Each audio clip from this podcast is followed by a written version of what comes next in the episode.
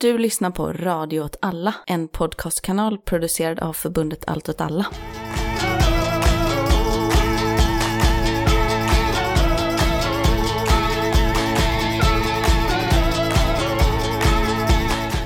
Hej, välkommen till Eld och rörelse Udda krig och perspektiv. med mig Martin Hansson. Och med mig, Myran Andersson. Idag har vi också med oss Sveriges ledande expert på stadsplanering. Och att skrämma upp lokalpolitiker i Lund. Ja. Eh, Johan, mannen, myten, legenden, pris är med. Tack. Mm. Du har varit med i tidigare avsnitt. Du har varit med och diskuterat franska boulevarder.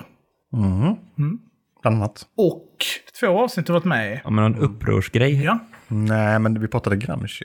Just Ja. det. Gramsci som krigsteoretiker. Eh, vi eh, har ju bjudit in dig för att reda ut ett återkommande fenomen kopplat till krigsteori, vänstern och Israel-Palestina-konflikten. säga. Då är det så att varje gång det, det, den konflikten eskalerar, nu som alla vet så pågår det ju ett fruktansvärt brutalt krig mot, eh, mot Gaza. Och då skickar olika glasögonormar på internet en text till mig. Det är ett specifikt bloggen lägger oftast, nu har det blivit med tidningsartiklar också, som handlar om att IDF läser Deleuze. Då finns det ju ingen bättre att vända sig till med frågorna, vem fan är Deleuze och vad har han med IDF att göra? än Johan Pris. Mm. Jag har ju både studerat Deleuze ingående och eh, ju gjort värnplikten i Det är ju slut. Nej. nej, det har han inte. Nej, nej. Nej. Nej. Nej. Då hade du nog inte... Jo, du hade fått vara med. Om du Såklart. hade varit avkall. Ja, ja. Ja. Deleuze, börjar den änden. Mm. Stavas konstigt. Ja,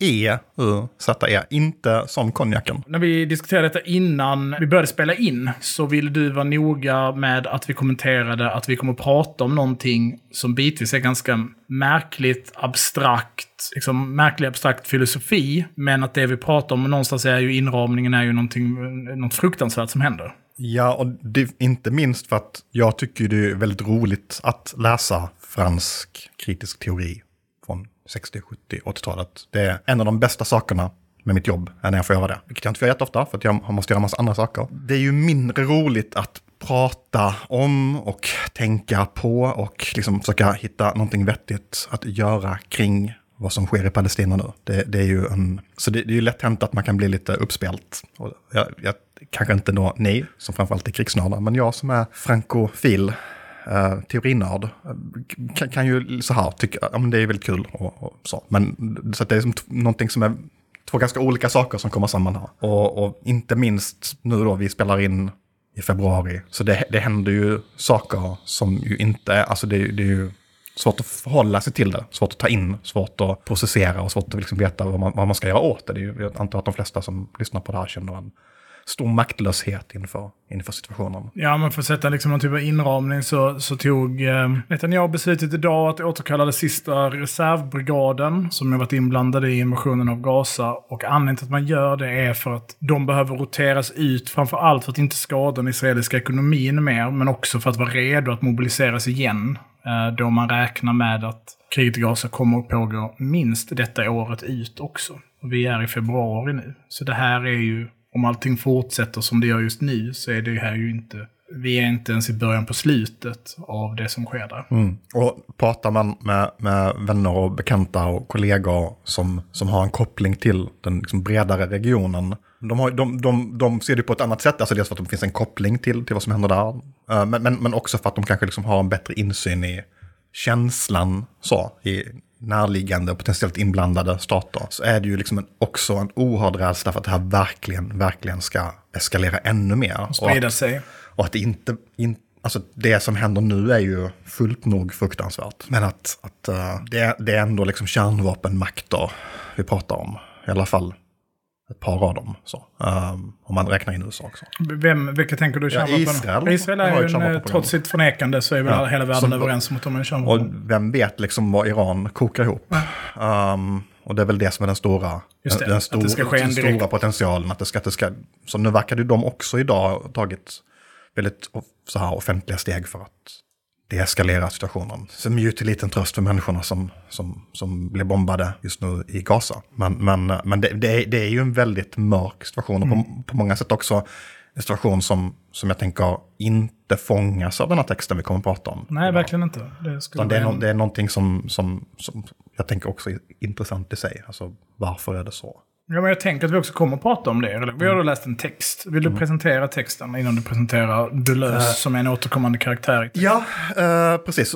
Det är alltså en eh, artikel från, nu har jag inte den framför mig, för att Myran har tagit ett exemplar, men en som heter Lethal Theory, som är publicerad 2006, precis, i en akademisk journal av en uh, arkitektteoretiker som heter E. Al Weissman, som är en ganska viktig karaktär inom Urbangeografi och arkitekturteori och skrivit flera böcker. Texten handlar ju, som jag då antytt, flera gånger om, eh, om hur uh, israeliska försvarsmakten, framförallt deras uh, fallskärmssoldater, framförallt en brigad tror jag det är, har omfamnat kritisk teori uh, av olika slag, inte minst då den här Gilles tänkaren, eh, som, som ju står i centrum för artikeln. Och att hur det kunde ta sig uttryck i eh, deras liksom, sätt att tänka på taktik, mm. tidigt 00-tal. Vad man kan säga om El Weissman är ju att han är ju någon som fortfarande är väldigt aktiv kring den här typen av frågor. Han är arkitekt liksom. Ja, jag tror det. Och undervisar på Goldsmiths,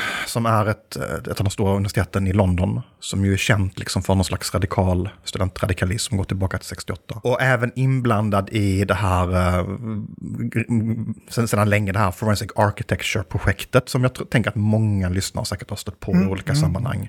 Som har gjort flera utredningar när det kommer det till jag. Gaza-konflikten. Ja. Från du sa det. Ja. Att man var inblandad i det. Nej, men de har man ju respekt för. Det här Forensic Architecture-projektet, ska vi bara säga kort vad det är? Det handlar om att på något sätt dokumentera hur bombningar och så, hur det rent fysiskt liksom förändrar byggnader och så och därmed påvisa vad man har gjort med intention och från vilket håll det har skjutits och sådana saker. Eller vad är, vad är liksom kärnan i det de gör? Om jag bara får, jag, jag har inte jättebra koll, men, men jag tror att själva tanken är att tänka på arkitektur alltså som en brottsplats, som, som, som namnet då gör gällande. Och att fundera kring eh, hur tecken och spår och liksom rummets fysiska förändring kan hjälpa forskare, journalister, ol, olika Utredare, typ FN och sådana utredare och så saker. vidare. Alltså, att, att förstå krigsbrott framför allt. Tänk helt vanlig jävla osint grej. Här är en krater, den ser ut på det här sättet. Det är tecken på att explosionen har skett från den här riktningen. Den här typen av vägg är bärande på det här sättet. Därför så borde kraften ha varit i den här magnituden. Alltså sånt som arkitekter vill ändå jobba med. Så här, typ hur mycket tryck klarar en den här typen av vägg? Alltså osint grejer fast liksom Precis, på... jag tror att det, här, mycket av den här typen av saker har ju, har ju liksom blivit någon slags hobbyverksamhet nu. Men när de började tror jag inte det var det alls på det sättet som det är idag. Du hade ju inte tillgång till, eh, till uppgifterna på det sättet som du har idag. Liksom. Utan då var det ju ett fåtal människor som satt och höll på med att titta på fotografier. Medan alltså idag så finns det ett överflöd av eh, den här typen av dokumentation. Jag tänker att jag då, som inte vigde mitt liv åt att förstå olika komplicerade teorier, som du då. Jag tog den smällen för Du dig. tog den smällen för mig. När jag var ute och festade så, Åh, ja. så tr- tränade du. Är det en mem det här, eller hur? Liksom, ja. Det är det. Då satt du och läste de här böckerna. Så det finns ju flera ord du har använt nu som jag kanske skulle kunna gissa mig till vad de betyder för någonting. Som jag tänker att vi kanske behöver reda ut. Om vi börjar. Shoot. Kritisk teori. Mm. Vad, vad är... Funny you should ask. Ja, Men om vi sammanfattar det liksom med några meningar. vad- Men, men det här har jag ju en, en 90 minuters föreläsning om som jag brukar inleda min teorikurs. Och, så om man bara ska bryta ner det i sina beståndsdelar så enkelt Ja. man kan. Så kritik tänker man ju att ha, gör man någonting negativt. Det tror jag är fel sätt att tänka på det. Uh, kritik kan ju också vara positiv. Det, det har sitt ursprung i grekiskan, uh, krisis, som jag tror om jag förstår det rätt, framförallt uh, betyder ändpunkt, slutpunkt. Så när jag tänk, sättet som jag tänker på kritik är att försöka förstå någontings räckvidd, någontings bärkraft, någontings möjligheter och där de möjligheterna slutar. Så att liksom förstå vad någonting gör. Och det, det är någonting i det här fallet handlar om är ju då framförallt liksom koncept och begrepp. Så, som ju för oss till den, till den andra biten, vilket är teori. Ja. Är du med? Ja, jag, är- jag, jag, mm, jag är med. Och då fundera på hur olika sätt att förstå saker, hur de, hur de kan användas och hur de inte kan Det användas. finns liksom ett slut på hur du kan förstå någonting om vi använder den här modellen. Men om vi förstår det på det här sättet istället så finns det liksom ett, en... ett koncept hjälp är ju en modell över hur någonting funkar. Ja. En, en teori är en modell över hur någonting funkar. Och då kan man, man kan stoppa in en del saker i den och få ut någonting och man kan inte stoppa in andra saker i den. Mm. För att den har liksom en, en viss räckvidd. Man kan titta på vissa saker med den och, man kan in, och med andra saker så Har du på dig de glasögonen så ser du liksom ingenting. Du kan inte, du kan inte förstå vad det handlar om. Det, det hjälper inte dig. Så att liksom förstå, kritisk teori, som jag tänker på det, eh, är ju att, att liksom, ett kritiskt förhållningssätt som, som, som handlar om att utveckla liksom, ett konceptuellt apparat eller ramverk för att förstå saker och ting. Alltså, väldigt som, det används också som en synonym för den teoretiska debatten som, som hade sitt centrum kring Frankfurtskolan. Ja, för man 20-talet. tänker lite så. Precis. Det är ett sånt Ja. riktigt eh, nazistbegrepp också. Eller? Ja, det kanske det. Ja, men liksom att de så, eh, kritisk teori är också parentes, parentes, parentes grej. Liksom. Säkert. Mm. Ja, det kan du säkert bättre än mig. Wokeism och så Ja, vidare. liksom. Ja. Nej, jag tänker att, att det är något som är mycket, mycket Ja, större. men vet jag, jag vill du göra en parallell där, men liksom att man använder de här typ, saker vi tar för givet idag, hur vi förstår vissa saker, var det ju någon gång någon som liksom benade ut och konceptualiserade. Då tänker jag på Clausewitz till exempel. Att innan Clausewitz började liksom resonera om men vad är krig? Vad är liksom, hur fungerar det? Vad är det faktiskt man vill uppnå med krig? Vad är målet med ett krig? Det är inte bara vinna det här slaget på det här slagfältet, utan då är det ju någon typ av... Om vi förstår krig som att det bara är olika fältslag, då har vi liksom, finns det en begränsning i hur vi förstår vad vi ska göra, eller hur vi förstår det konceptet. Men om vi förstår krig som politik istället, ja, då öppnar det upp helt nya horisonter för hur vi kan förstå vad, vad krig är. Är- är- Översätter jag det på någon Ja, begriplig men det skulle man väl kanske kunna säga. Jag tänker att om man tänker då vad som skulle varit en kritisk teori för, för kriget, Mm. hade det ju varit att fundera på vilka begrepp som kan göra olika typer av jobb för att förklara olika aspekter av kriget. Och att ha liksom ett samtal om vilka begrepp man bör använda och kan använda och vad det innebär och vad man missar när man använder dem. okej. Mm. Och vad man kan förstå när man använder dem. Och kanske också varifrån de kommer, varför ser de ut som de gör, hur är de bärare av maktordningar på olika sätt också. Kanske. Just det, maktordningar. Ja. Uh, är väl någonting som tenderar att vara en viktig aspekt av det. Den här texten handlar ju om att eh, IDF har liksom en, ett, ett, ett, ett eh, institut som jobbar med utveckling av liksom, teori, alltså helt enkelt krigsteori i någon mening. Där så har de använt de här teoretikerna, de har läst de här teoretikerna, det är ett gäng namn, alla namnen låter som namn på jävligt sexiga personer. Det tänker jag är återkommande med alla namnen. De Alltså det är ju fransmän. Ja, precis. Det är ju fransmän. Och, men det är som det är. Liksom. Liksom, har ni sett en avmålning av den första Bernadotte? Liksom, och bara God damn it, that's a sexy man. Okej, då har de liksom läst kritisk teori. Och sen har de försökt ändra konceptet då. Ändra hur de tänker på vissa saker. Det är ju det här grunden. Och då är det, det mest återkommande namnet är Deleuze. Deleuze för mig, eh, Martin, är Skämtet, hur många autonomister tar det för att skruva i en lampa? Deleuze. Precis. Uh, Deleuze är tusen platåer, va? Är det Deleuze? Ja. Det är rhizom, heter det så? Det heter så. Och det är ju någonting som, jag också bryr mig om. Ja, som har med svampar, hur svampar förökar sig, eller nätverket svampar är i. Precis. Ja. Martin kan olika, Ja, ja, wow. Och sen är det så här, det är skitflummigt. Och typ, Deleuze ibland tar avstamp i historien. Fast han har hittat på hur, vad historien är. Det tror jag till och med är du, Pris, som har sagt det till mig någon gång. Att han bara hittar på om historien. Det är, det är min förståelse i svar ja. Ja. Och, men, men då är frågan så. Men jag är ju inte heller expert på typ Visigåtornas smeder. Så, Nej, så att, nej vad vet jag. det är inte. Deleuze heller.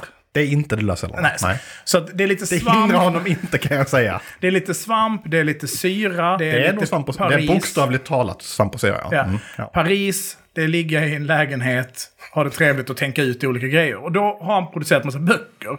Och de har på något sätt hamnat i fallskärmsjägarnas skola i Israel. Det är artikeln ungefär ja. ja, Ja, ja. Det- och, och, vem är, och vem är, vad har man Deleuze till? Vad är, vad är Deleuze eh, liksom input i det här? Vem är då Deleuze? Varför, nej, men varför så här, läser Deleuze- folk Deleuze? Liksom? Gilles Deleuze är en del av radarparet Gilles Deleuze, Félix Guattari, eh, som, som har samskrivit de två viktigaste böckerna. Så. Okej, Guattari, heter han så? Ja. Han, Vem- nämns ju också i texten. Ja, precis. Eller, Ja, mm, de- har jag aldrig hört tidigare. Nej, de, de har skrivit den här boken Mille Platå, Tusen platåer. eh, Mm, okej. eh, som är en uppföljare på deras första bok som heter Antioidipus. Eh, Det här känner jag också igen. Ja. Eh, och om Deleuze var ju då en av de, liksom, de allra tyngsta kanonerna i när, man, liksom, när fransk teori, när fransk filosofi var som allra tungast. Så. Ja, När, när tyngdpunkten försköts. När, när det var uppenbart att tyngdpunkten i vad folk tänkte intressantast och mest nydanande hade förskjutits från Tyskland till, till Frankrike uh, under, under efterkrigstiden. Man tänker att många av de stora klassiska filosoferna är ju tyskar. Ja. Så det här är ganska tidigt, det här är liksom 50-tal. Ja, precis. Han har skrivit ett, ett, ett, liksom ett otal böcker om lite olika saker som, som, som har lite olika liksom, ingångar. Många av böckerna handlar om en specifik tänkare och många av dem är en väldigt kreativ omtolkning av den tänkaren. Så det är liksom inte så här en grundbok om Nietzsche, utan det är så här Nietzsche. Jag läste lite Nietzsche och så fick jag lite idéer och nu skrev jag en bok om Nietzsche. Och ofta väldigt intressant att det, att det liksom snarare är någon som... Och, jag tänker att det här måste vara lite okonventionellt med sin samtid på något sätt. Att det liksom kanske inte så filosofer jobbade så mycket. Så, och många av böckerna är, är väldigt intressanta och är väldigt, alltså, jag vet inte, det låter ju fruktansvärt att någonting kreativt, men jag vet inte. Um, de, de, de är liksom intresserade av att tänka nytt.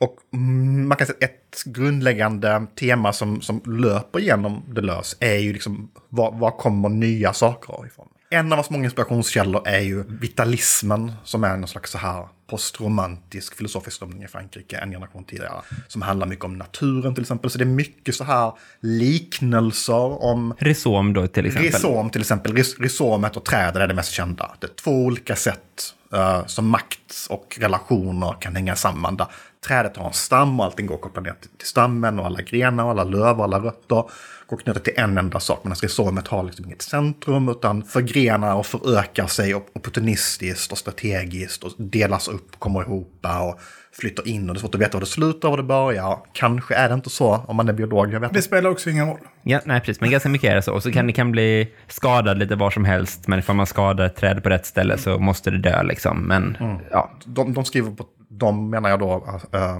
paret då. Deleuze och Guattari. precis.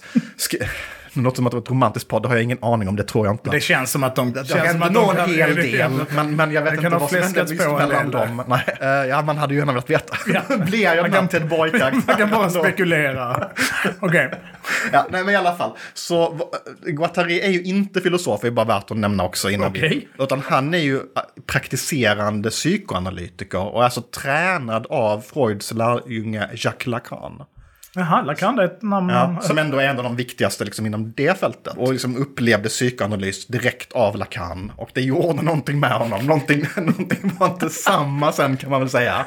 Så han, han driver en, en klinik i, jag tror det heter Labor. Jag har ingen aning, någonstans i Frankrike eller Schweiz eller någonting. Som utvecklas till, till som en, någonting riktigt knepigt under, under 60-talet. Där han bedriver någon slags kollektiv eh, psykoanalytisk eh, befrielseprojekt. Så. Det låg en del. Det mycket, mycket, mycket av, alltså en, en av de centrala teoretiska begreppen som återkommer i olika formationer i det här tänkandet är också begär. Och man kan säga att det är också kanske det som är svagheten i, i det här. Hur, hur begär som någonting produktivt men också någonting som då kan liksom, ja men ni har på namnet anti-oidipus, alltså för, för Freud, och jag vet inte hur exakt hur Lacan tänkte på det här faktiskt, men, men att Freud så handlar ju om att, att begären är liksom någonting som vi per definition måste tygla och, och trycka ner för att fungera som en mänsklig civilisation på något sätt. Ungefär den idén som Guattari ägnar sin, sitt liv åt att, uh, att liksom demontera teoretiskt och praktiskt. Och att så här, åka till Brasilien på 80-talet och skriva en bok om Lula. Okej. Ja. Så att de, de gjorde lite olika saker. Lever de här gubbarna? Nej, de är döda. De var, de, alltså, de var ju viktiga i, under sin livstid och under, under, under sin verksamhetstid i Frankrike som tänkare. De var så viktiga intellektuella. Men jag tror för många som, som kanske inte då gamla 68 känner till dem är ju för att mycket av det tankearbete de gör hakar i det som händer i Italien. Att må, många av människorna som är aktiva i den radikala vänstern i Italien på 70-talet går ju i landsflykt och hamnar Just i Frankrike. Eh, Och de är några personer som väldigt tydligt, no, några av de mest högprofilerade som, som, som eh, verkar till stöd för de här, men människor som Antonio Negri till exempel. Och också jobbar nära dem och har liksom vissa teoretiska, alltså, man, Är de marxister?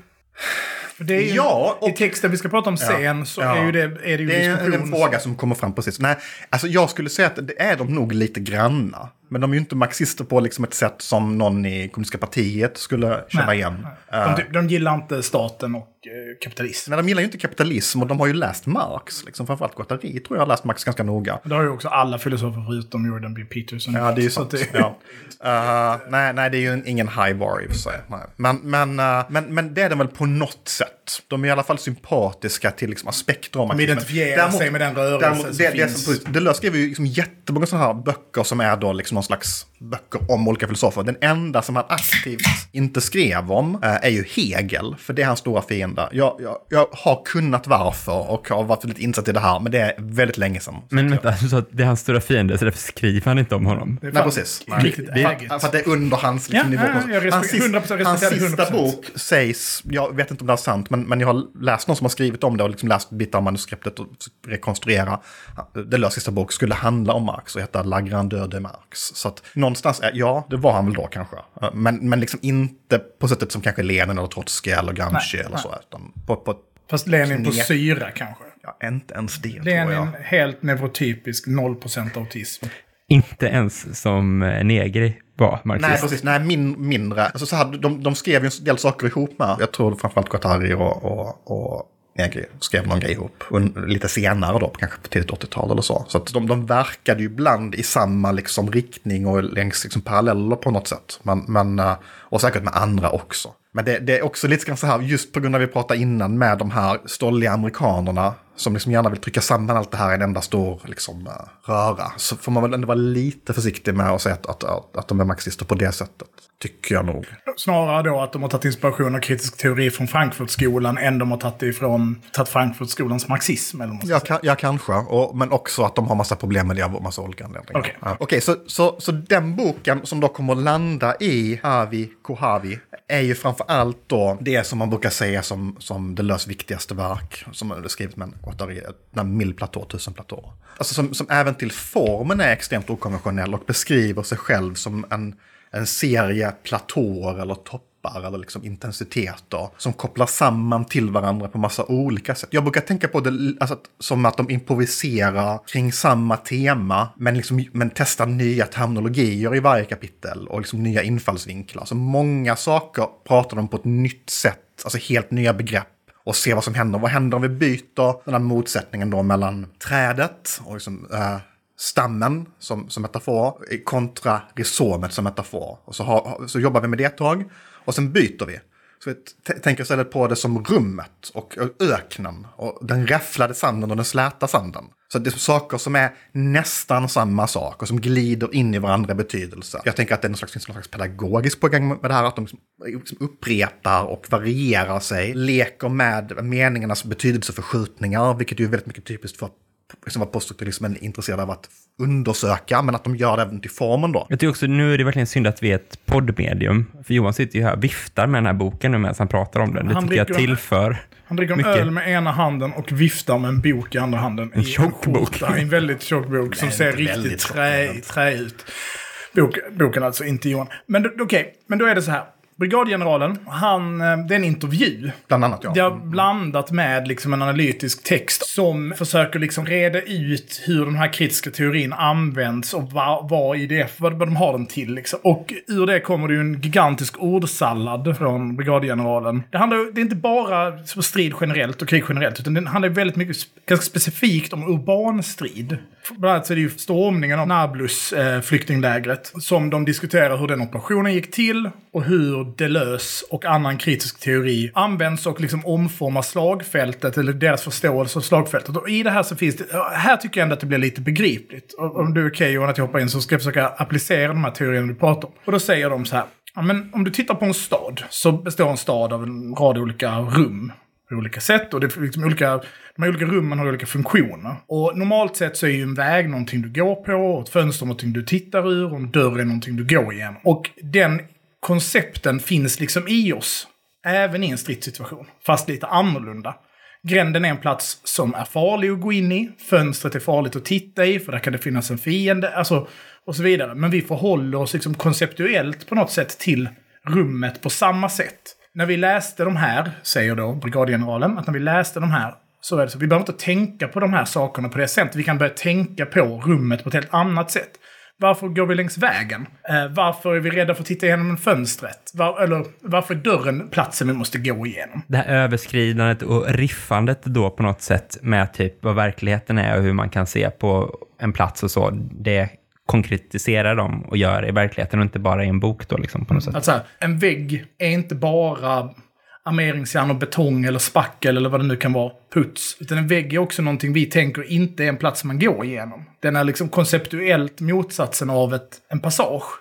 Men det, med verktyg, framförallt militära verktyg, så omvandlar du ganska lätt en vägg till en passage. Men vi tänker, det här, alla de här... Vi är fast i de kategorierna som samhället har gett oss på något sätt från början. Liksom. Men, Då är det ju så att eh, den här brigadgeneral eh, hade ju då läst filosofi. Och arkitektur. Ja, han hade nog inte han tänkte nog göra det tror jag, beskriva. Men Okej. det är många andra som har gjort det. Och, och, och beskriver hur han tar kommando över fallskärmsjägarna. Och liksom tvingar dem att också läsa kritisk filosofi. Och säger vi, har, liksom, vi, vi sover med den här, de här böckerna i sängen. Vi, vi liksom öppnar upp våra vyer, vi vill tänka annorlunda. Liksom, vi har de här kapaciteterna till våld. Men hur vi använder dem kan vi, liksom, vi kan tänka på helt olika sätt kring hur vi gör det. Så vi måste tänka ut hur vi ska använda dem på det, sätt som är bäst för, för att uppnå det som är våra strategiska mål. Och då blir till exempel en, en, en analogi de hämtar för, eller en, ett teoretiskt ramverk de, de försöker applicera är till exempel då, som, som också Deleuze och Guattari skriver om, svärmen. Så. Där känner man ju igen att det är någonting som autonom marxism också plockar upp, framförallt Negri. Vi har gjort ett helt avsnitt om svärmen. Ja. Um, så det är inte, det är inte, de, det, det är inte de enda, det här är andra människor som har försökt operationalisera det här och fundera på vad det innebär i relationer. Man kan även se till exempel att svensk polis uh, tänker kring det här i relation till, till liksom situationer de vill undvika kanske. Så. Att stänga ner och liksom begränsa rörelser på olika sätt. Och det, det är ju ingenting nytt heller om man kollar på counterinsurgency-teori. Om man till exempel går till Vietnam med The Hamlet Project är det väl. mm. att att liksom, både statistiskt modellera vad som, vad som då skapar ett landskap som är bra för insurgenterna och ett som är mindre bra för insurgenterna för att kunna styra landskapet på en statistisk nivå. Det är väl IBM som hjälper armén med det här tror jag, och MIT. Men också att faktiskt liksom begränsa det fysiska rummet. Att skapa de här, eh, ja du vet det bättre än jag, men jag antar att det är taggtrådsbarrikader kring byar och så är det i princip utegångsförbud. Och man evakuerar ju hela, man flyttar helt enkelt civilbefolkningen. Ja. Det är verkligen som en sån, eh, en MIT-kille som har tänkt så här. Kommunisterna får sin energi från civilbefolkningen. Bara tar civilbefolkningen och sätter dem någon annanstans. I typ fängelsebyar.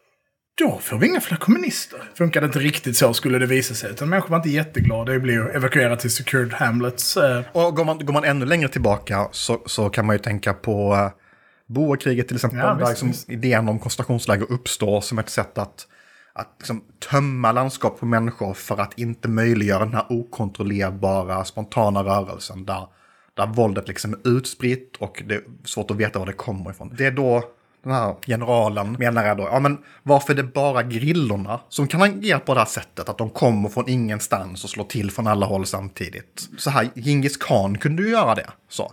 Det, han var ingen grilla. Och det, och det skriver ju Deleuze och Guattari om i den text som handlar kanske mest om krig i den här boken, som heter Den nomadiska krigsmaskinen. Eller något sånt där. ja, just det. Just det. Mm. Eh, som, som har då steppfolken som någon slags ideal eller liksom modell för att tänka på utspriddhet i rummet. Och den här typen av okontrollerbara horder som liksom samordnas för att dyka upp i vissa punkter och sen så kan spridas ut och försörjas under långa perioder under en väldigt, en väldigt stor yta och ingen vet var de är och så vidare. Och det här säger då den här brigadgeneralen att så här, vi kan, och det här känns väldigt israeliskt generellt. Vi har pratat om det tidigare med adaptiva landskap och det de kallade eh, krig, kampanjen mellan krigen. Alltså att man, att Israel är så här, okej men terrorist, de, de, de terrorister vi bekämpar, som vi strider mot. Men om vi typ börjar göra som dem, ifall vi håller på med liminal krigsföring på samma sätt som Hizbollah gör. Israel tar ju väldigt sällan på sig saker. Det gör de flesta andra större länder tar ju liksom i, i allmänhet. När, när Soleimani blev mördad så var USA ändå utsatt. Men det var vi som gjorde det. Medan nu då man till exempel hade det här riktade mordet på Hamas, en av Hamas-ledarna i Beirut. Så var Israel på presskonferens. Vi vet inte vem det var som gjorde det här. Men den som gjorde det var det, ville nog inte göra en krigshandling mot Libanons... Alltså att man håller på med... Och det är ju liksom en spegelbild av sin fiende på något sätt. Och det känner man ju igen i den här texten att de liksom... Vår fiende vill, vill strida mot oss på det här sättet.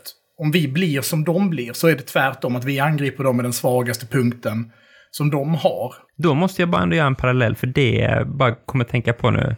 Jag- Det lösa anda då här, så bara drar jag till med något helt annat. Men det är ju väldigt ryskt den saken i Ukraina och så, liksom, alla vet att de gjorde någonting, de bara säger vi har inte gjort det liksom. Det måste ju komma från ett annat håll. Där känner man att det inte finns någon så här, vet Men du det. USA har ju också gjort det här, alltså The Phoenix Program, är väl så här lönnmordsprogram i Vietnam. Ja, ja.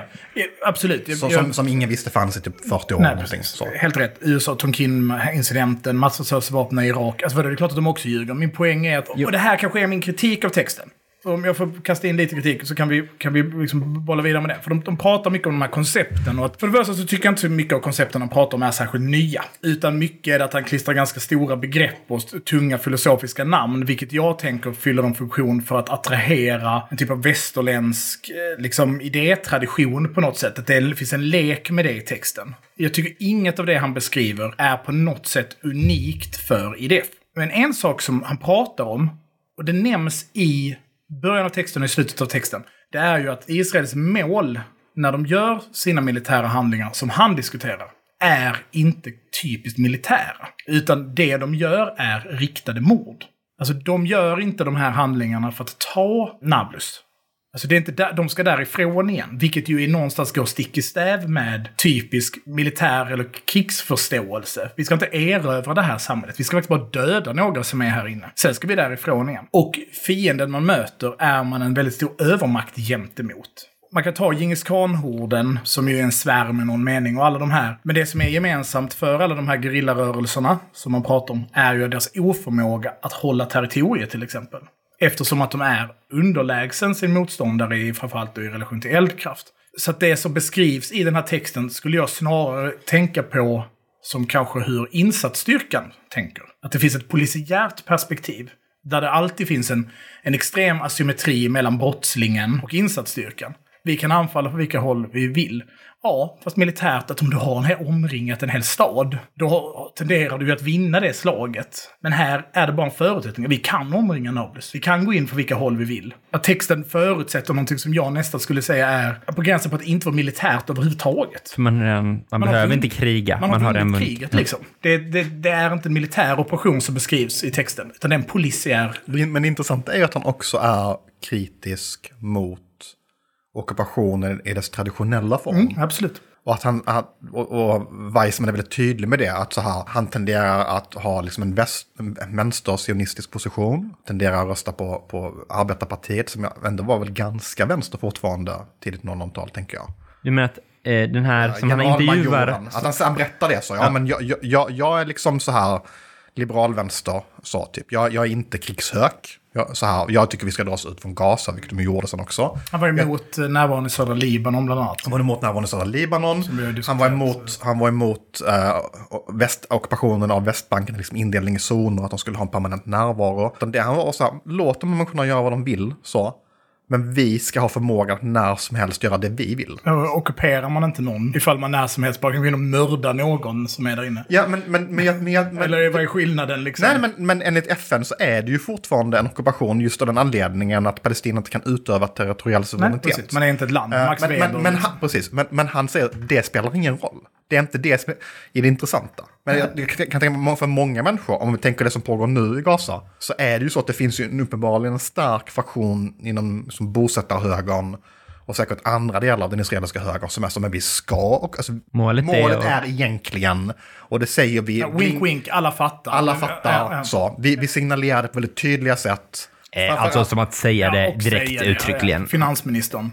Vi bara säger det. Ja, men Netanyahu har väl inte sagt det Nej. uttryckligen. Men, Nej, inte han, men nej. alla, alltså, eller flera andra Ja, ministrar Ja, i regeringen ja, har ja, ändå ja. sagt så Det är här, vi ska Det- det- tömma, tänk vad bra det hade Ja, varit ifall det bara var säger inte det 200 rakt 000 palestinier istället för 2 miljoner, då hade det här varit löst. Men de, men de vill ju ha en regelrätt liksom, integrering i Israel som stat av de här territorierna. Och det här är ett annat- Utan dess befolkning. utan dess befolkning. Jag Vilket menar, är en väldigt- väldigt viktig, viktig Det är skillnad. absolut en viktig skillnad. Jag säger inte att den är bättre eller sämre än andra, det är inte det som är min poäng. Utan min poäng är bara att det här är ett annat sätt att tänka på rummet. Där rummet definieras som vem som, som kan utföra... Inte, f- Max Webers definition som, som du nämnde av, av eh, Staten, nationen eller- är ju det legitima eh, våldsmonopolet inom ett visst territorium. Och han är bara så, spelar ingen roll. Det spelar ingen roll om det är legitimt, det spelar inte roll om vi har monopol på det. Det som spelar roll är att vi kan utöva våld när vi vill, där vi vill, i den utsträckning vi vill. Och då menar jag ju att då är man ju de facto staten i det landet. Men Max Weber menade inte det. Ja, precis. Och det är också den traditionella, alltså så här, som går längre tillbaka än honom. att det, du, måste, du måste vara den enda partnern som kan utöva våld på ett legitimt sätt. Och, och du menar, det, det spelar inte så stor roll. Utan det viktiga är att när vi vill sätta 400 fallskärmsjägare in på så här på åtta timmar på den här koordinaten, på den här kartnålen och sen göra vad de nu ska göra liksom, så kan vi göra det. Nu behöver man inte ens göra det för nu finns det drönare och så vidare som man liksom har- ännu mindre. Men, men och det är väl också kanske det som gör att den här texten kanske inte har åldrats så väl, Nej, det får jag. man verkligen säga. Det var min känsla. Oj, vad det här inte stämmer. När man tittar, Nej, det- det, var det som, det jag jag- pingade ju in det i ett inlägg. Ja. För, för, som exempel när vi för liksom, diskussionen till det här. Ja. När man ser hur, mycket, hur lite det är gå igenom väggar och hur lite liksom, konceptet av krig är upplöst. Och det här var, är väl min poäng, att när man har den här, när man inte möter Al-Qassam-brigadens väpnade styrkor, som ändå är liksom traditionell reguljär stridsmakt. Det är brigader, de, de har liksom eh, pansarvärnsvapen. De är ju på inget sätt en peer-on-peer i relation till IDF såklart. Men, men det är inte gerillasoldater i den meningen, utan det, det är en Gazas försvarsmakt. Liksom. Då faller ju de här modellerna. Då faller ju det skillnaden mellan att ge sig på ganska lätt beväpnad lätt beväpnade insurgenter i Nablus. Vilket ju kanske mer liknar då en polisiär insats. Jämfört med det som händer i Gaza idag. Då är det stridsvagnar längs gatorna. Och det är samma sak i Libanon som sen ju sker ju strax samtidigt som den här texten skrivs. Då är det, också, då är det liksom det är stridsvagnar, pansarvärnsrobotar, flygplan som blir skit. Alltså det, utan det finns den här vi tänker på ett nytt sätt om krig. Det, är lite, det finns en USA, liksom lilla, lilla, lilla USA-tanke i det. Ja men shit, vi har den här teknologin, vi har de här vapnen. Han, han pratar liksom om nonsensteknologi i den här texten som inte, exist, alltså, som inte finns i verkligheten. Ja, man använder kombinationen av infrarött och, och, och jordradar för att kunna se genom väggar. Det är klart att man kan bygga en sån maskin. Tror du har råd att producera hundratusen sådana och lägga ut på förband? Titta på filmerna, för det är helt vanliga jävla killar med automatvapen och, och sprängladdningar. Alltså det, men det är klart att en insatsstyrkegrupp skulle kunna få den typen av dyr, specifik utrustning. Vi har två, vi använder dem när vi ska använda de här jättespeciella. Han målar liksom upp en bild av att Israel har liksom revolutionerat hela liksom den urbana stridsföringen. Men det han beskriver är inte stridsföring. Det han beskriver är polisiära insatser. Men det är ändå militära förband som gör det. Det är ju liksom kanske det som, som på något sätt är nytt då. Men vad liksom. är krig? Så, om vi, om vi, börjar, om vi går tillbaka med kritiskt tänkande. Vad Ja, är jag- krig? Krig är inte att mörda specifika människor. Men det kanske är det idag. Nej det, är, det, nej, det är det inte idag. Vi har ett krig i Ukraina. Det är inte död. Det spelar ingen roll. Döda Zelenskyj, det spelar ingen roll. Döda Putin, det spelar ingen roll. Det spelar en viss roll. Men alltså, men, men, men med det sagt, jag, jag tror att jag köper det du säger. Jag bara säger så här, det blir ju en annan kontext någonstans när det är militärförband. Det kanske mer blir liksom då på något sätt typ, hur ska militära förband, göra polisiära uppgifter? Ja, jo, men då tar de in det här liksom eh, förhållningssättet. Och i många länder så har man ju då semimilitära enheter som utför polici- tungt beväpnade polisiära uppdrag till exempel. Kontraterrorism är ju typexempel på det. Men är, alltså, jag tänker att kontraterrorism är väl inte heller någonting typiskt polisiärt. Det är väl också någonting som är en egen grej eller någonting mitt emellan olika grejer i så fall. Jag skulle säga så här. Skillnaden mellan krig, kriget och det polisiära. Och det här är ju en gammal diskussion. Men det stora missförståndet bland våra liksom ärthjärnor till högerpolitiker. Det är att de tror att militären är den hårda biten. Att, att liksom militärt är, det är våld. Men krig är en förhandling. Krig är liksom en förhandling med fruktansvärt brutala medel. Men det är i grund och botten en förhandling. Det är därför vi har, vi har liksom lagar och regler som reglerar hur du hanterar fångar. Vi, vi tar IRA till exempel som krävde att bli behandlade som krigsfångar och inte som brottslingar. För att krigsfången, han är liksom ett förhandlingsmedel. Ja, det kan man ju också definitivt se i Gaza. Att väldigt mycket av det här handlar ju om att förhandla med, med krigsfångar och med andra typer av Absolut. kidnappade gisslan. Och jag skulle säga att i delar av Gaza så pågår det ett krig. Men, men majoriteten av det Israel har bedrivit mot palestinier är inte ett krig i liksom... Och då, då menar jag inte det för att minska ner våldsgraden, snarare tvärtom. Krig är en förhandling med storskaligt våld. Det liksom låter liksom tramsigt att beskriva det som en förhandling då, men det är vi vill uppnå politisk sak X. Man förhandlar inte med brottslingar. Man är inte så, men om du ger dig nu får du gå. Utan när du ska gripas och du ska dömas, så vissa länder har dödsstraff, för du kommer dömas till dödsstraff fast du la ner vapnet. Men en soldat som lägger ner sitt vapen är liksom tagen ur förhandlingen. Eh, förstår ni skillnaden? Att man har som mål, vi ska gå in och döda de här människorna. Det kan man ju operationellt ha, eller taktiskt ha. Målet är att döda den här brigadgeneralen i en operation för att slå ut stabsstrukturen för att kunna vinna förhandlingen. Men ett krig kan liksom inte ha målet döda person X. Konsekvensen av att döda en person det politiska målet med att döda person X skulle kunna vara ett krigsmål. Men det han beskriver är, när de här störiga jävlarna blir för störiga, då ska vi kunna gå in och så ska vi kunna döda dem vi vill. Och sätta dem i fängelse till exempel, vilket du inte får göra med krigsfångar. Så att Israel förstår ju inte heller det som ett krig. Men, men, men är- innebär det, jag tänker att, att vi kanske då är fast i en definition av krig som, som inte fångar hela spektrat av vad, vad krig är i så fall. Det, det, kanske, det kanske är en, en, en hypotes i alla fall. Krig kanske har mer karaktärsdrag av det polisiärt. Det kanske finns en massa sammanblandningar här som, som gör att det inte är, går att dra den gränsdragningen lika tydligt. Jag tänker även om vi ska gå tillbaka till det här med, vi pratar väldigt lite om det lösa egentligen här så känner jag, men, men, men om vi ska gå tillbaka till Weber då som ju inte är en, en, en, en fransk poststrukturist utan en tysk. eh, Känns ganska- tryggt. Precis, en, en, Mindre en syra. protestant. Mycket mindre onani Eh, ja, det, det är en riktigt, eh, faktiskt intressant tänker jag också, men på andra sätt. Eh, jag har precis läst en bok om Weber som är jättebra, men blev färdig igår. Men, men, men, nej, men, men, men ehm, så är det ju den här definitionen då om, om, om staten som det legitima våldsmonopolet. Och det, det, det kräver ju någon slags tydliga gränslinjer. Att här börjar en stat, här slutar en stat. Det det är så det bygger den världen, det är så man kan förstå den världen. Frågan är om det också fångar hur stater egentligen funkar. Kanske har de aldrig funkat så, kanske har de slutat funka så, jag vet inte. Men mitt intryck är att, att det inte riktigt är så stater funkar. Utan stater är mycket mer närvarande på vissa platser och har, är relativt ointresserade av vissa platser. Har stora geografier som de, alltså, som de låter vara. Som de låter vara. Att det inte är det här att det, det är en regel som gäller. Att det, liksom, att det är någon slags fiktion, skulle jag vilja säga. Och jag, jag tror att även med krig, att den typen av tydlig gränsdragning, men det kan vara bra ibland kanske. Det kan vara bra för att se vissa saker. Du har ju helt klart en poäng. Någonstans i slutändan så handlar det ju, alltså är det ju en politisk fråga. Men att det kanske också bara är en dimension av kriget. Att det kanske finns dimensioner av kriget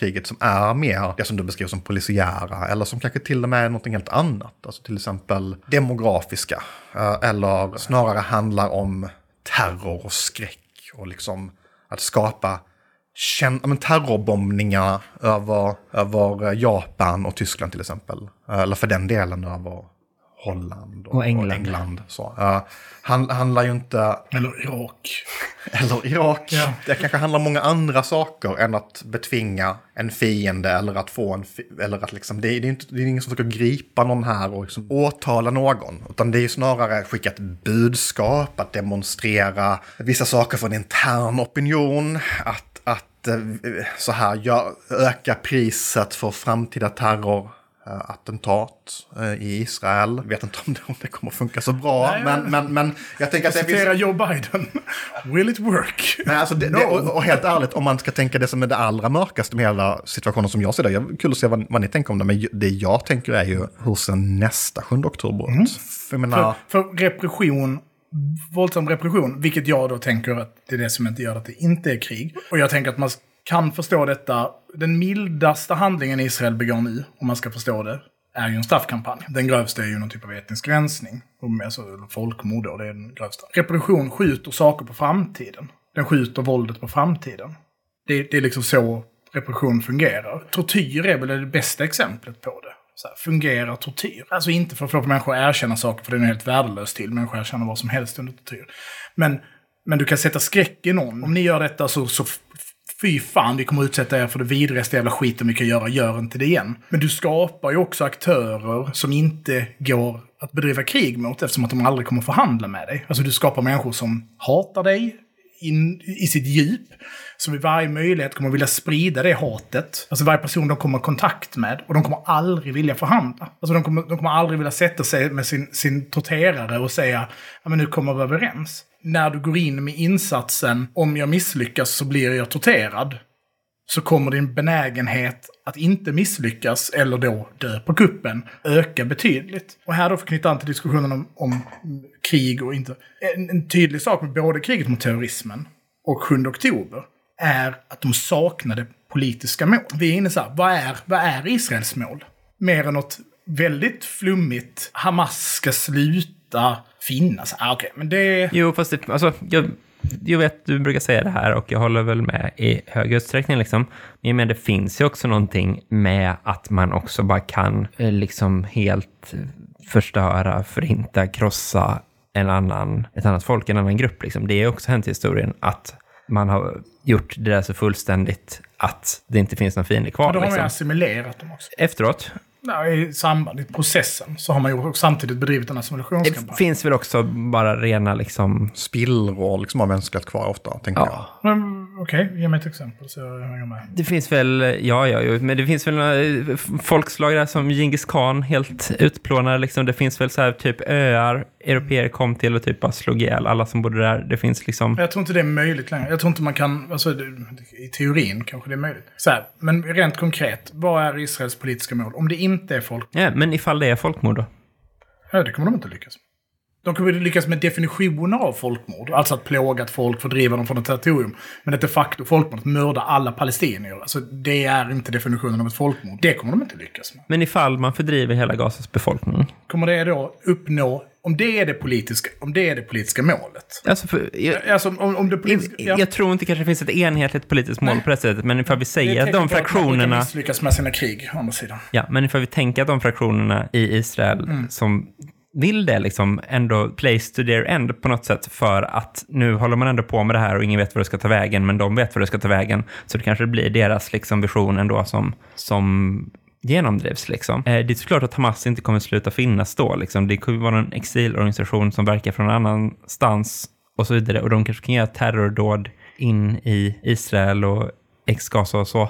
Men jag tror också det finns liksom någon potential i att det är liksom, då för man en tynande tillvaro tills människor inte har en, några generationer bort en så liksom konkret koppling till territoriet längre. Ja, och då tänker jag att det är absolut... Då har man för, genomfört en fördrivning och lyckats. Liksom, jag tror inte det är en omöjlig liksom, slutpoäng, tyvärr, eller vad ska jag säga. Men vi liksom, lever ju inte i en värld, vi lever ju inte i en värld längre. Även om vi kanske heller aldrig har gjort det. Men jag skulle säga att världen är för sammankopplad idag. För att det där, den typen av projekt är möjliga.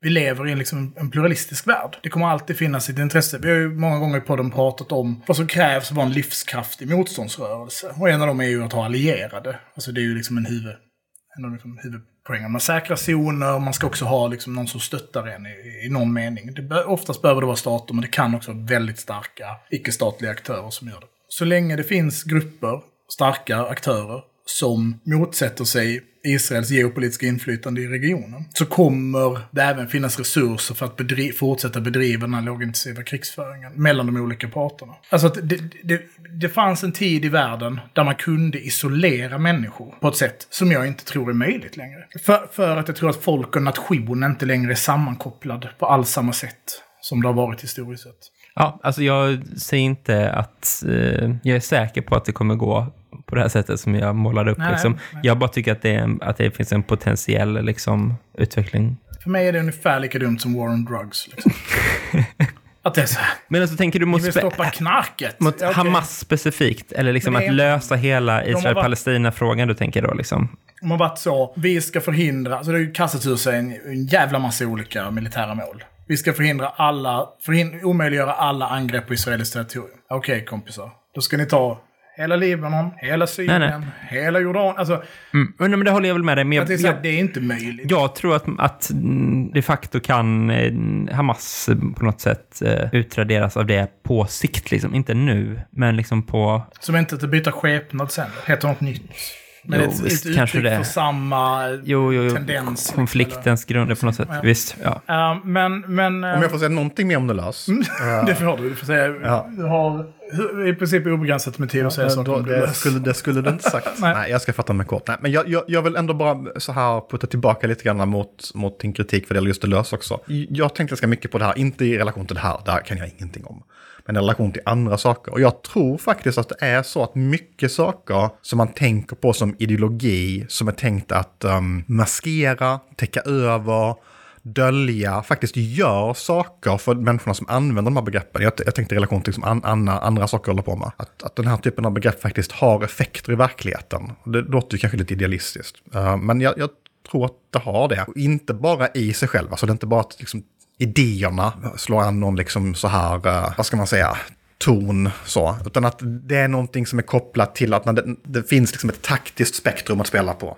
Där det går att göra saker på olika sätt. Och om de hittar ett nytt sätt att göra på så kan det få effekter i den specifika situationen. Och jag, jag tror faktiskt att, att den här typen av människor har alltid en, ett incitament att överdriva hur nytt och smart det de säger är. Jag har alltså inte framfört någon kritik mot Deleuze. Nej, men, nej, men mot generalmajor... Ja, eh, som, som säger oj vad jag har tänkt massa nya tankar. Men jag tror de har tänkt nya tankar. Alltså jag, jag, så här, jag, jag tror faktiskt det. Jag tror att de är så här. Vi, vi, vi gick på gatorna och patrullerade i liksom tre generationer eller någonting i olika ockuperade delar. Och, och han är så här, nej men det är fel att göra det på. För då, då, då överlämnar vi liksom kunskapen om territoriet, om de lokala platserna. Det blir ett strategiskt övertag för fienden. Så de kan minera alla dörrposter. De kan ha förberedda eh, eldöverfall från många olika riktningar. De kan göra som de gjorde i södra Libanon till exempel. De kan göra som på många olika sätt liksom, som, som, som inte är bra för oss. Utan vi, ska, vi, vi ska tänka på hur vi kan organisera rummet genom vår närvaro i rummet på ett annat sätt. Och jag tror det är ett annat sätt att tänka på. Sen betyder inte det att alla aspekter av det här är nya. Och det, det, det är intressant, det, den, jag tror det han refererar till som är äldst vad det gäller andra verk, alltså han pratar ju då om fransk industri från 60-talet, men, men även refererar till andra saker. Så en, en referens som kommer i texten som... som Pariskommunen och eh, Ja, precis. Mm, Paris. eh, Men, men som är mer specifikt kring gillakrig är ju T.H. Lawrence, alltså Lawrence of Arabia Lawrence som ni har sett. Seven Ja. Pillars of Wisdom. Precis. Jag vet inte när den är skriven, men den är ju skriven om 10-talet, så den är väl skriven kanske någon gång på 30-talet. Ja, jag vet inte. ja, Eh, och att, liksom att, att, att, vara, att, att, vara, att grillen är som, och han, och han är ju någon slags så här underrättelseofficer i, i Osmanska riket och liksom håller på och hjälper till och kuckelurar ut den, den mer sekulära saudiska kungafamiljen är det väl. Eh, och så får in wahhabiterna utan att veta om det riktigt kanske. För att någon i London bestämmer det. Sen för de sent. eh, araberna i ryggen. Men, eh, Ja, precis. det- Eh, alla, och skapar den här konflikten du beskriver. precis. Även om han inte verkar ha förstått det riktigt. Nej, Eh, men han pratar ju om att, att, att då att, och det, och det citerar den här gen- generalmajoren, säger alltid, han är brigadgeneralen. Ja, precis. Eh, han citerar utan att veta om det verkade som, eller, eller i alla fall inte att, att, att liksom referera till Lawrence, men att han använder en fras som är från, från Lawrence, som handlar om att, gasen. att, att, precis, att grillen är som gas, som liksom är oformbar. Så det är inte så att det här är liksom helt nya idéer. Vi pratade om The Hamlet Project och vi pratade om Operation Phoenix, om de här targeted assassinations och det var ju även i Latinamerika såklart och på många andra ställen. Så det är ju liksom inte, det är inte helt nya tillvägagångssätt rent taktiskt. Men att, att, att liksom organisera en, liksom en större verksamhet och att tänka om rummet som konflikten sker i och tänka om vad konfliktens natur på ett nytt sätt. Det, jag tror ändå att de typ gjorde det och att det faktiskt spelade roll för, kanske inte hur de nådde sina krigsmål vet jag inte. Jag vet inte liksom om, om det nådde upp på den skalan. Men jag tror det spelade roll i alla fall för hur den här enheten interagerade med palestinska motståndskämpar. Till exempel i Nablus då. Och då är ju frågan, varför funkar inte det i Libanon 2006? Vad är det som har hänt som är annorlunda? Gör de inte på samma sätt eller gör motståndaren annorlunda? Och för att komma tillbaka till samtiden, vad är det som händer i Gaza som gör att det inte ser ut på det här sättet? För det tycker jag är den intressanta frågan om vi ska sluta någonstans. Så. Men du menar då alltså att för att man har läst de här texterna och så, man kunde spränga upp ett hål i en vägg förut och gå igenom den, man har gjort det länge, men nu vill man göra det jätteofta och det är ens typ primära sätt att agera. Och det har liksom ändrat. Det är inte ett helt nytt verktyg eller någonting, men det är sättet man tänker och sättet man... Sannolikheten för att man gör en viss sak förändras av att ha läst det här typ. Men, men också att, att det bara var så här, nu är vi hur många hundra killar det nu är. Och vi lyfter våra vikter och vi skjuter prick och vi hoppar genom eldringar och vad man nu gör när man är ett elitförband. Men så, så läser de jävla glasögonormarna också. Och att det ändå är, alltså, jag tror att det gör någonting med den stridsstyrkan.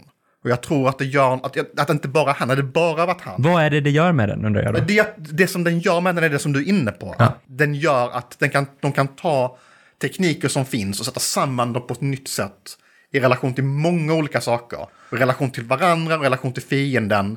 Och det är också någonting, eh, det här är ju ett ganska deleuzianskt sätt att formulera problemet på. Ett av de begreppen som då kanske har fått mest efterverkningar på svenska säger man ibland, för det låter ju inte alls bra, assemblage. Eh, sammansättningar kan man, kan man också uh, skrev som. Alltså att, att det finns många olika bitar som hänger ihop på ett visst sätt. Ja, och I relation till den här krigsmaskinen så nu är det ju verkligen jättelänge sedan jag läste den texten. Men att jag bläddrade den på bussen hit. Men, men att det är, alltså, assemblaget är då häst, mongol, spjut, stigbygel. Där stigbygeln är liksom den avgörande saken som fogar samman massan, hastigheten, förmågan att styra och sikta in sig strategiskt och då liksom spjutspetsen i, i någons hals. Så, så att, att, det är som ingen, ingen sak är i sig nytt, men det sätts samman på ett sätt som har har en ny typ.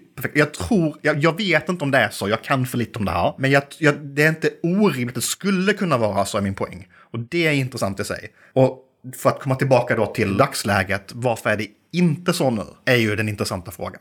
Som jag gärna vill ha ett svar från, från er av. Om, jag, om vi får vända på... Martin har svaret.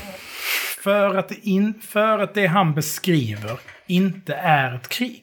När de går in 2006 i södra Libanon så möter de inte det de är vana att strida mot. De går in där med en sån jävla övertro på dem själva. De går in där och är så. Vi har fan, vi har sopat på de här jävla sopiga palestinska motståndsmännen. Vi har läst Antiopedes. Vi har läst de här jävla verken, vi har puttat våra glasögon. Och, nu, och sen är det liksom, det är inte samma typ av fiender de möter. Utan de möter mer en konventionell styrka. Visst med kraftig inspiration liksom av, av, av det reguljära krigsföringen och så vidare. Men de har pansarvärnsrobotar, de har luftvärnssystem.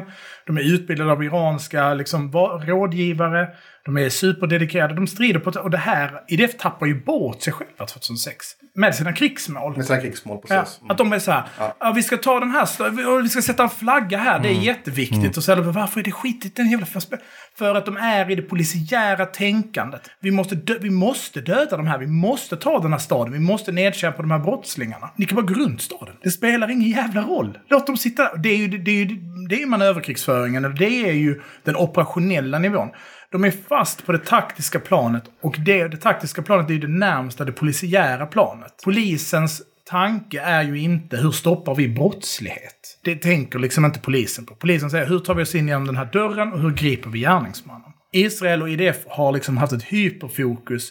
Och det här, det här, det här är också en grej.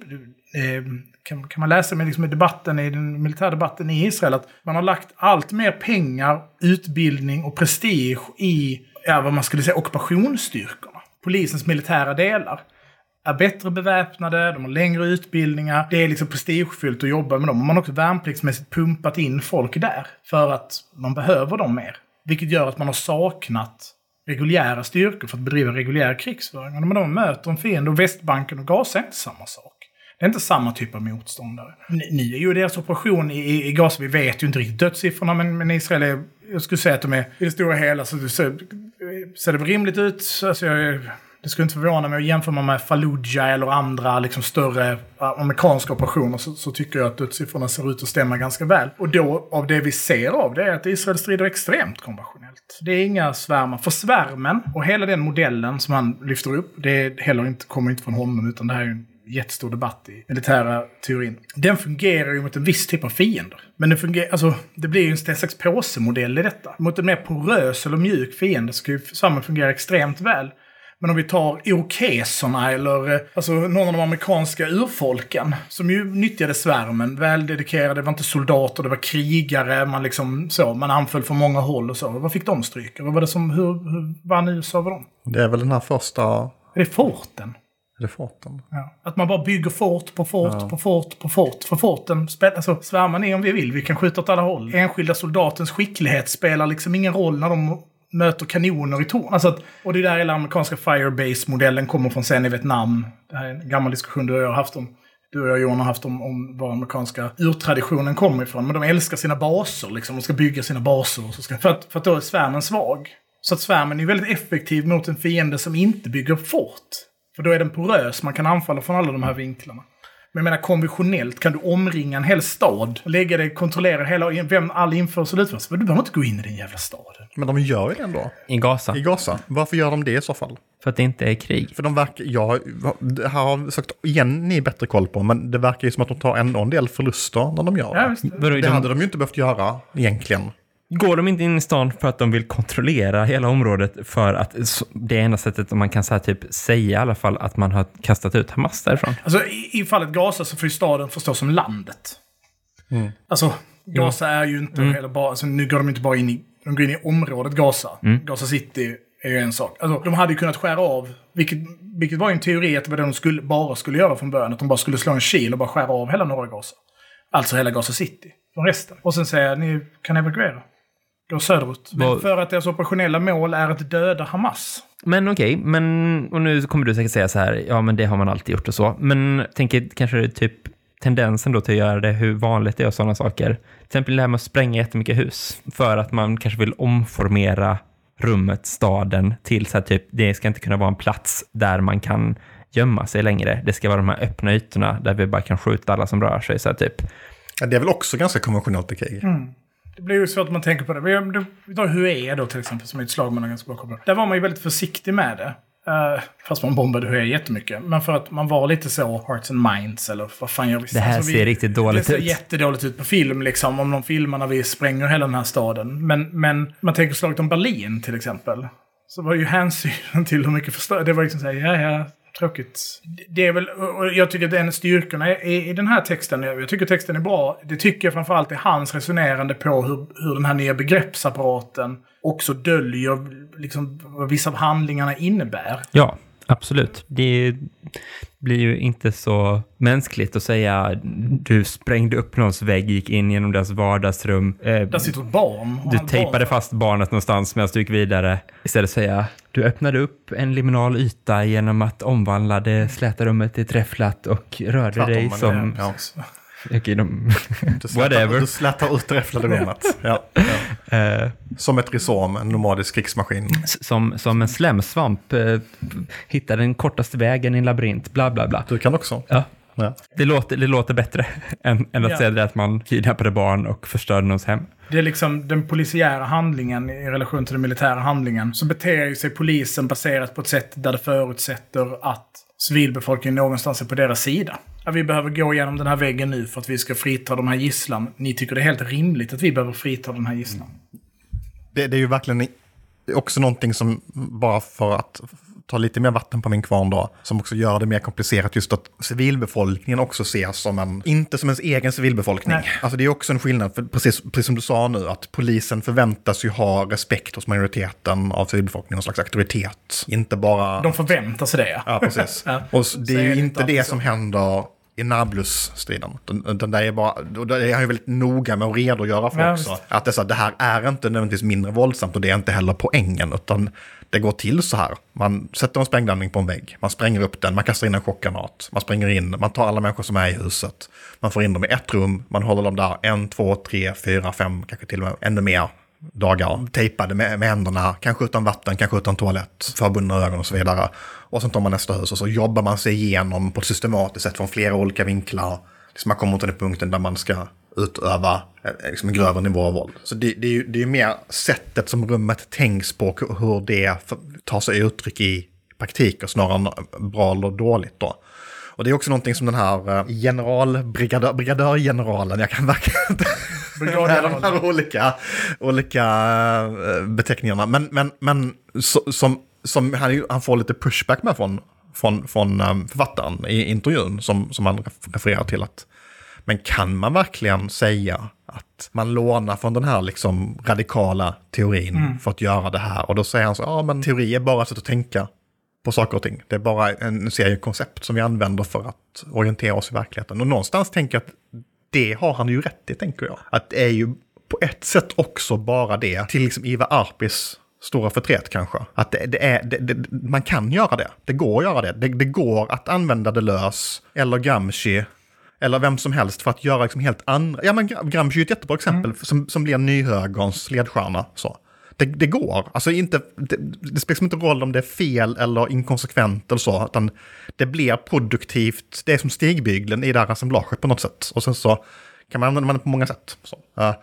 Och det, det, tror jag, det tror jag verkligen finns en poäng i det. Och jag vet inte riktigt vad poängen är för, er lyssnargrupp. Jag vet inte riktigt vem det är, så vad, vad, de, ska, vad de ska göra med det. Men, men jag, jag tror att å ena sidan så kanske det kan vara, för alla Iva Arpis där ute, kanske det kan vara lite lugnande att veta det, bara så. Uh, att, att, att det är faktiskt så, sådana som jag som har lagt flera år av mitt enda liv eh, på, på, att läsa det löst, till exempel, undervisar på den här typen av saker. Men det kan ju också vara lite oroväckande för de då som kanske vill att teorin ska göra någonting mer. Att det kan den göra, men den kan inte göra det av sig själv på något sätt. Utan det, det är någonting som har att göra med, det som, som du nämnde innan, med allierade olika politiska kontexter, konflikter som, som teorin kommer in i på olika sätt.